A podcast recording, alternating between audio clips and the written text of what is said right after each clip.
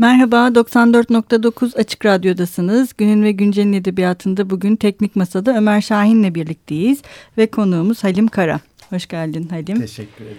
Ee, Halim Kara, Boğaziçi Üniversitesi Türk Dili ve Edebiyatı bölümünde öğretim üyesi olarak çalışıyor kendisi. Ee, Halim'le bugün Osmanlı'yı tahayyül etmek, tarihsel romanda Fatih Temsilleri adlı kitabından yola çıkarak biraz roman ve tarih ilişkisini ve e, bir de e, Fatih özelinde bir... E, padişahın temsilinin çeşitli dönemlerde ele alınışı üzerinden aslında belirli anlamlarda bir ulus tahayyül etmeyi ve tarihi yeniden inşa etmeyi konuşacağız evet. bugün.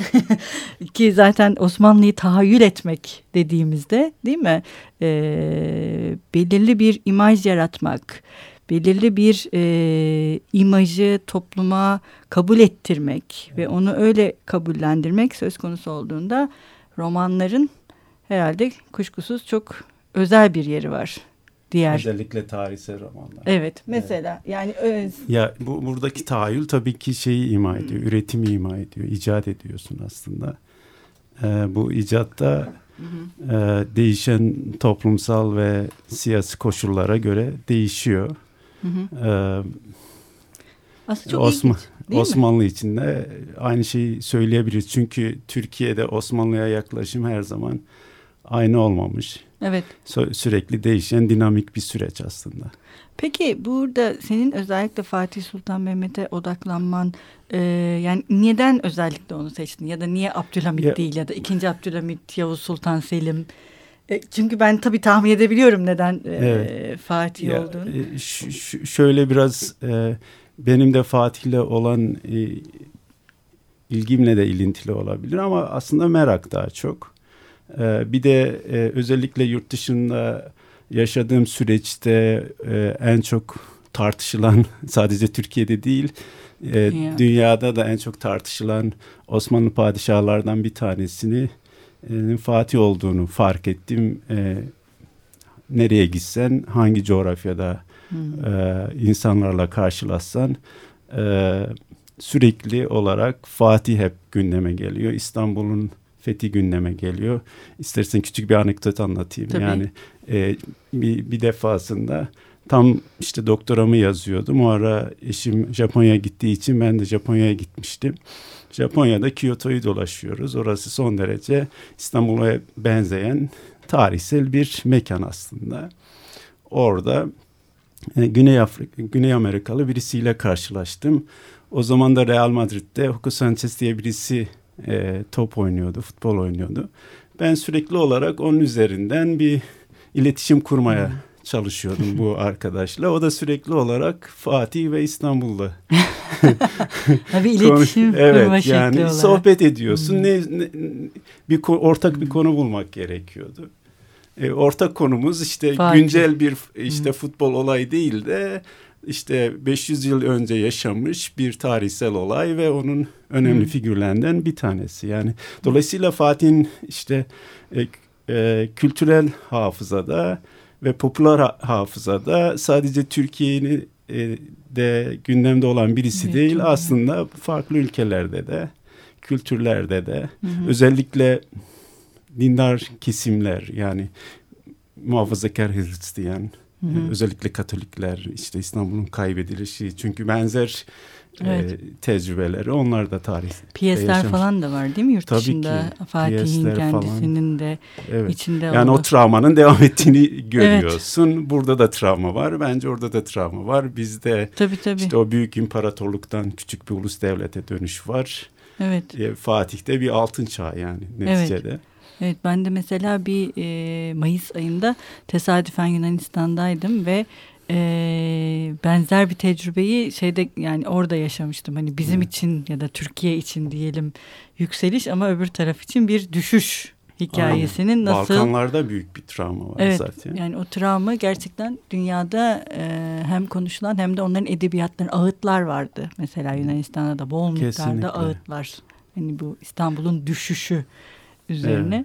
Evet. evet o yüzden peki mesela e, Türkiye'de ilk e, Fatih'in temsiline baktığımızda e, ya da işte seninki romanlar üzerinden baktığında evet. ilk hangi dönemde ortaya çıkıyor? Ya aslında şey e, şiirde Abdullah Hamit'in şiiri hmm. var biliyorsun. İşte Merkadı Fatih Ziyaret. Evet, ziyaret şiiri. Daha sonra 1910'larda Fatih dönemiyle ilgili bir kitap var. Şimdi hı. Şark Şimalı mıydı? Hı. Şimal şimdi kitabın tam ismini unuttum ama orada Fatih yok mesela. Şimal şarkı o konuda galiba. yazan e, arkadaş onu Fatih hakkında yazılan ilk e, Türk romanı olarak, tarihsel roman olarak görüyor ama Fatih hiç orada fiziksel olarak yok. Mevcut işte değil, evet.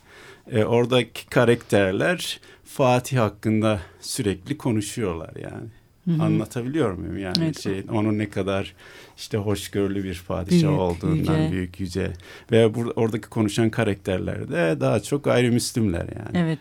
Onun üzerinden bir Fatih idealleştirme olduğunu görüyorsun aslında. Bir inşa. 1910'lar şey tam işte o İttihat ve Terakki, İttihat ve Terakki dönemi, ulus inşa süreci dolayısıyla hala Osmanlı ile tam bir kopuş yaşanmamış henüz. Hı hı. E, dolayısıyla o tür bir şey var. Aslında Metin şeyde, var aslında. Evet bir de daha aslında Namık Kemal'den itibaren tam da bu hani bir millet inşa etme süreci ya da bir millet tanımlama süreci başladığı andan itibaren Fatih önemli bir figür olarak ortaya çıkıyor. Mesela Namık Kemal'in de yazdığı tarih evet. biyografilerinden birisi. Fatih'le Fatih, ilgili. Evet. Yani tam da bu millet tanımının ideali evet. söz konusu olduğunda Fatih yani ki Abdülhamid'in de Merkadı Fatih ziyareti yazdığı dönem onun neredeyse son dönemi artık. Aynen. Yani evet, o evet. şey dönemi. E, Dolayısıyla e, aslında tanzimatçılar her şeyin gibi onun da öncüleri. Evet. Onun çok farkındalar. Evet. Daha çok belki Osmanlı kimliği etrafında bir ulus işte. projeleri var evet. ama Evet, evet. İmparatorluk neticede dolayısıyla ama bir modern kimlik inşa sürecinin aslında tanzimatla başlıyor. Tanzimatla başladığını Tabii, yani, görüyoruz. Yani ve yani Namık Kemal'in birdenbire cumhuriyetle çıkan bir şey değil. Doğru. Yani. Evet. evet bu da çok önemli ama mesela evet. Türkiye'deki edebiyat tarihlerinde hatta zaman zaman siyasi tarihte de bu iş nedense hiç tanzimattan değil hep cumhuriyetle birlikte başlatılıyor. O evet. yüzden haklısın. Gerçekten bu işin tanzimat sürecini unutmamak gerekiyor. Bir de şey de önemli. Yine Namık Kemal'in bu Fatih'ten bahsederken e, tarihi de inşa etmeye yönelik bir tartışma açması. Evet. Çünkü orada e, işte hem Osmanlı'nın geldiği yeri tartışıyor önce Osmanlı tarihinde sonrasında Çandarlı'yı mesela Çandarlı ailesinin tanımlaması, Kesinlikle. Çandarlı'nın işte evet. bir takım sorunlarına dair evet. e, fikirler beyan etmesi tam da aslında şekillenmekte olan bir e, modern kimlik modern inşası. kimliğin evet. çok açık ipuçlarını veriyor. Ee, peki sonrasında mesela 1910'lardan sonra Cumhuriyet'e işte doğru 1900, geldiğimizde aslında benim biraz da şeyle 1920'lerde falan ben işte bir dönem e, erken Cumhuriyet dönemi Türk Edebiyatı dersleri verdim. Daha çok biliyorsun edebi metinler üzerinden e, hı hı. bu işin nasıl olduğunu işte o ulus nasıl tahayyül ediliyor, inşa edilmeye çalışıyor. Edebiyatın bu inşa sürecindeki katkıları ne? Hı hı. Onu merkeze alan der, ders veriyordum. Benim orada dikkatimi çeken tamam edebi metinler ve sürekli olarak Osmanlı'nın yıkılış dönemiyle ilgili metinler işte şey Sinekli Bakkal, Bakkal işte yıkılış, Kiralık evet. Konak, evet. diğer geç Osmanlı dönemine ele alan metinler. Ben orada o zaman daha erken Osmanlı dönemleri nasıl metinlere yansıyor onu merak etmeye başladım. O da beni tarihsel romana götürdü. götürdü.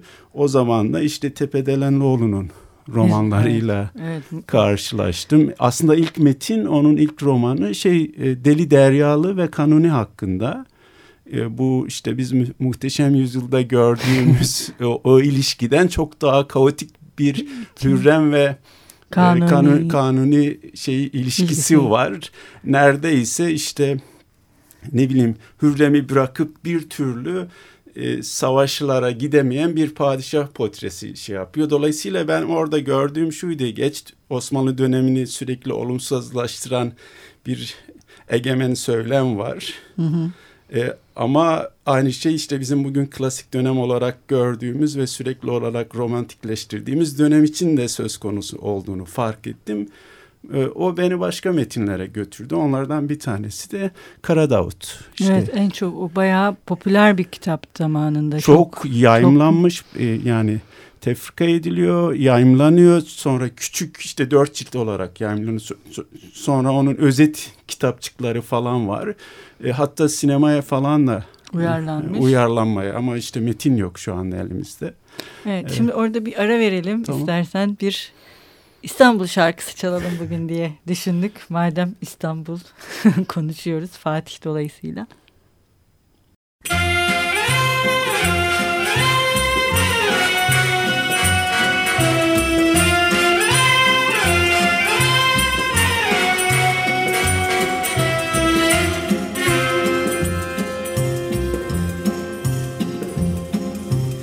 Istanbul was Constantinople, now it's Istanbul, not Constantinople. Been a long time gone, old Constantinople, still it's Turkish delight on a moonlit night. Every gal in Constantinople lives in Istanbul, not Constantinople. So if you've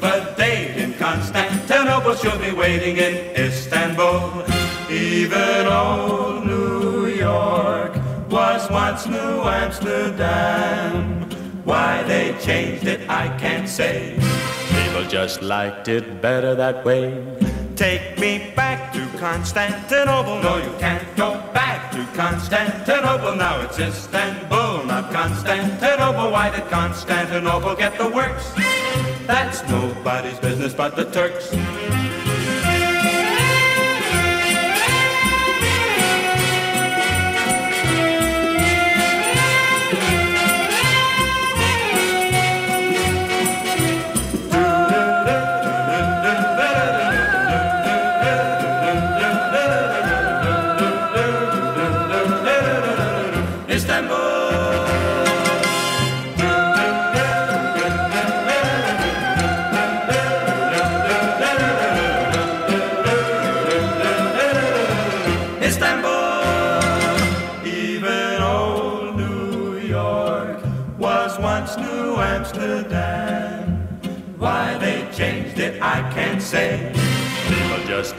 It better that way.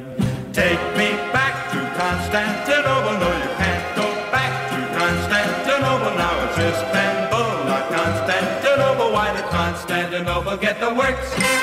That's nobody's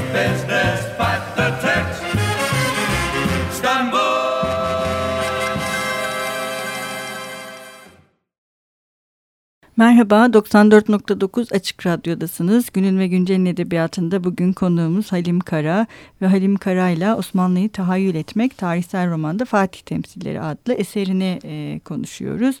İlk programın ilk bölümünde daha çok ulusun tahayyül edilmesi ve ulusun tahayyül edilmesinde edebiyatın rolü üzerinde kısaca durduk ve e, şimdi doğrudan e, Fatih Sultan Mehmet'in e, edebi eserlerdeki temsiline geçtik ve en son Karadavut'tan bahsediyorduk. Evet. Nizamettin Nazif Tepedenlioğlu'nun Tepeden. zamanında oldukça ilgi görmüş eserinden Şimdi bu da aslında Ahmet şey... Ahmet Haşim falan bile övmüş yani bayağı hmm. övgül alan bir Tarih metin. tam olarak kaç? Tezamet 30'lar ee, mı? Bir, yok 1928 ha, 1930'lara yaklaşık. 27-28 evet. o civarlarda. Peki onun çizdiği Fatih. Ya, ilginç orada işte bizim e, bugün gördüğümüz Fatih'in karşısında bir Fatih portresi var aslında. Ee, ordu zaten isminden de anlayabileceğimiz gibi İstanbul'un fethinin merkezine çok kısa söylemem gerekirse hı hı. biraz basitleştirerek Karadavut'u yerleştiriyor aslında. Bir, bir tarafta halk kahramanı ve her şeyin onun için veren bir e, işte e, karakter var. Hı hı. Ana karakter var Kara Davut. Diğer tarafta da sadece kendi çıkarlarını düşünen ve sürekli Osmanlı sarayıyla ilintili ve kün, sürekli olarak kendi bencil çıkarlarını düşünen bir Fatih var. Evet değil ve mi? İkisi karşı karşıya şeyde. geliyor. Aşk düzleminde de karşı karşıya geliyorlar. İs, İs, İstanbul'un fethini de onun kahramanlığıyla alınıyor. Yani evet. bugünkü hmm. tarih e, Aslında şey, yazımının tam tersi bir Fatih evet, portresi. Bir de o zamandan bu zamana kadar pek arşivlerin ya daha doğrusu arşivci tarihçiliğin Türkiye'de evet. neredeyse hani e, o dönemlerde popüler tarihe kaydığı düşünüldüğünde hani belirli bir ispatlardan çok e, ikna etmek ve bunu böyle işte senin de dediğin gibi romantize edip insanları ikna etmek, ikna etmek üzerine evet. kurulu. Evet. Aslında benzer bir şey ikinci Abdülhamit için de söz konusu. Mesela günümüzde daha gündemde olan bir evet. padişah. Evet. Onunla ilgili tartışmalarda hani giderek büyüyerek e, artıyorlar. Şimdi bir de Fatih Sultan Mehmet ama özellikle gerçi bir de şeyi söyleyeyim mesela Nizamettin Nazif Tepedenlioğlu bugün hiç bilmediğimiz bir yazar. Fazla bilmiyoruz. Evet, yani, yani son zamanlarda bu Osmanlı'ya artan ilgiden dolayı falan e, biraz daha gündeme gelen birisi ama o ama şey bu Karadağıt e, daha sonra farklı yıllarda yayımlanıyor. Mesela 1970'lere kadar falan farklı baskılarını görüyorsun kitabını. E, ama işte mesela o e, e, olumsuz Fatih e, bölümleri metinden çıkarılmış sansüre tabi. Mesela bir sahne var Karadavut e, Fatih'i tokatlıyor falan. Hı hı. Bunlar tabii, tabii hep çıkar. Bunların evet. hepsi çıkar. Aslında o da çok ilginç. Yani evet. o kitabın kendi içinde değişiminin değişimi. De... Ben sinemayı çok merak ettim. Mesela ne oldu falan orada neler oluyor falan. Evet. Ama maalesef onu şey yapamadım. Peki. Ulaşamadım o metnin sinema. Ee, şimdi uyarlamasına. bu Nizamettin Nazif ama son, sonuçta 30'lu yıllarda falan daha gündemde olan bir yazardı evet, herhalde. Evet. 30'lu yıllarda gündemde olan daha sonra bir tarihçi arkadaşımdan öğrendim. Tabii ben tarihçi özellikle o tarih yazımıyla ya da dönemin arşivleriyle kurmaca arasında ki farkın altını çizmek için neticede kurmaca metinlerden bahsediyoruz. Fa- fazla tarihsel malzemeye girmedim mesela. Tabii. Bazıları karşılaştırıyorlar mesela burada Hı-hı. hakikat burada değil falan. Evet. O neticede o kurmaca metinler yani. Ama sadece bir şey bir arkadaşım var Osmanlı tarihçisi Tepedelenioğulların Osmanlı sarayıyla da sürekli ilişki, ilişki şeyle iyi olmayan bir aileymiş hmm. mesela. Ee, tabii bu kitabı yazdıktan sonra öğrendiğim hmm. bir bilgi oldu o tür bir şey de olabilir. Yani bir taraftan siyasi var bence Tabii. o erken dönem Cumhuriyet'in o radikal Osmanlı'ya bakışı ve o inkar söylemini bize Hı-hı. gösteren bir metin ama diğer taraftan başka dinamiklerin de söz konusu olabileceğini de Hı-hı. aklımıza getiriyor. Yani bu ilişkiler aslında epeyce karmaşık. Peki altın çağ yani Fatih'i bir altın çağ olarak ne zaman? O şeyde başlıyor. Ben yani şunu fark ediyoruz Atatürk öldükten sonra 40'lı yıllarda. 40'lı yıllarda işte İstanbul'un fethinin yıl dönümü yaklaşın 550. E, yıl dönümü yaklaşmaya başlayınca resmi komisyonlar kuruluyor. Bir sürü kültürel ve işte e, konferanslar, kültürel faaliyetler var, konferanslar veriliyor. Yani 1953 yılına gelene kadar aslında 10 yıllık süreçte bir hazırlanma, bir yeniden işte Osmanlı'yla müzakere etme, onunla barışma süreci bu. Birdenbire olan bir süreç değil aslında. Sonra 1950'lerden sonra bir sürü zaten sen de biliyorsundur hem tiyatro oyunu hem şiir evet, hem komik, tarih, e, tarihi romanlar falan çıkmaya başlıyor. Ben o altın çağ söyleminde işte Anthony Smith diye milliyetçilik hakkında yazan birisi var. İşte her ulusun bir altın çağa ihtiyacı olduğunun altını sürekli çizer. E aslında o radikal dönem bittikten sonra öyle bir değil mi ulus anlatısı Tabii. yaratacaksın. Onun evet. E, hem böyle kopusuz bir anlatıya evet, ihtiyacı devamlılık var. Şart. Devamlılık evet. şart. E, hem de işte başarının oldu hem kültürel Hı-hı. olarak hem askeri olarak hem siyasi olarak e, Fatih dönemi de aslında e, şu, şunu da unutmayalım. Yani Türkiye'nin Avrupa ile ilişkilerini de unutmayalım, unutmayalım. Sürekli kaybettiğim bir Avrupa var ve tırnak içinde Avrupa'yı dize getirmiş bir padişah olarak. Padişah var. Evet. Dolayısıyla Doğru. son derece kullanışlı bir dönem aslında yani. Evet.